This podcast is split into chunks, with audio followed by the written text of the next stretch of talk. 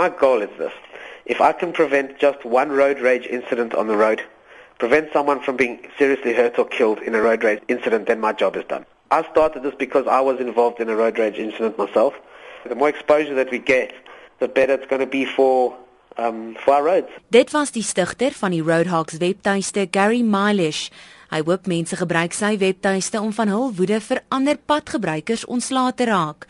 Die webtuiste bestaan al 13 jaar lank, maar Miley sê daar was nie 'n merkbare toename of vermindering in voorvalle wat aangemeld word nie. Over the past 13 years it's been a steady flow. I think it it just gives somebody a way to vent their frustrations without doing it on the roads. So whether it's improving I don't know, but I think that if more and more people knew about it and people were watching other drivers and everyone knew they were being watched, yes, then it would definitely be a be a big help. Hy merk wel op dat minder voorvalle oor minibus taksies aangemeld word. Taxis used to be about 10 to 15% of all the offences years ago. I think people have just become used to taxis and they're not bothering reporting them much anymore. When I drive down the road and a taxi does something stupid, I just say, "Oh well, typical taxi." Intussen reken Cliff, die sogenaamde pickspotter op Twitter, dat padgedrag stadig maar seker aan die verander is.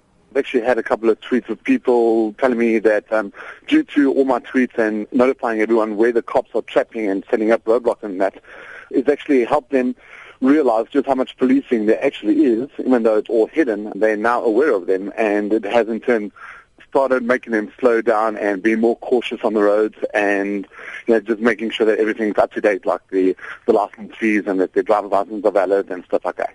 Cliff gee nie net inligting oor waar spoedkameras of padblokkades opgestel is nie, maar ook inligting van gesteelde voertuie en kapings op sy Twitter-profiel. We had a gentleman who was hijacked thrown into the back of his car and um, his girlfriend actually tweeted me or a friend of the girlfriend she tweeted me I, I put a tweet out for people to look out for them got a couple of the police groups And yeah, we actually caught the caught the robbers in in act. Roadhawk stigter Milesh hoop metropolisie amptenare sal van sy webtuiste gebruik maak om persone wat herhaaldelik oortree vas te vat. If the Metro Police took an interest in it, every single person reported was sent to them and sent a letter to them warning them or an email saying you've been reported please note we are watching you if that could happen, people would start realizing, uh, wait a minute, you know, this is potentially bad.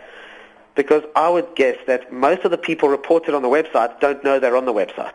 We have been approached by insurance companies in the past who wanted information to work out the risk of particular drivers. So if they were going to insure somebody, they would look them up to see if they've been reported. If they have, they just become a, a higher risk. At this point, there are no consequences.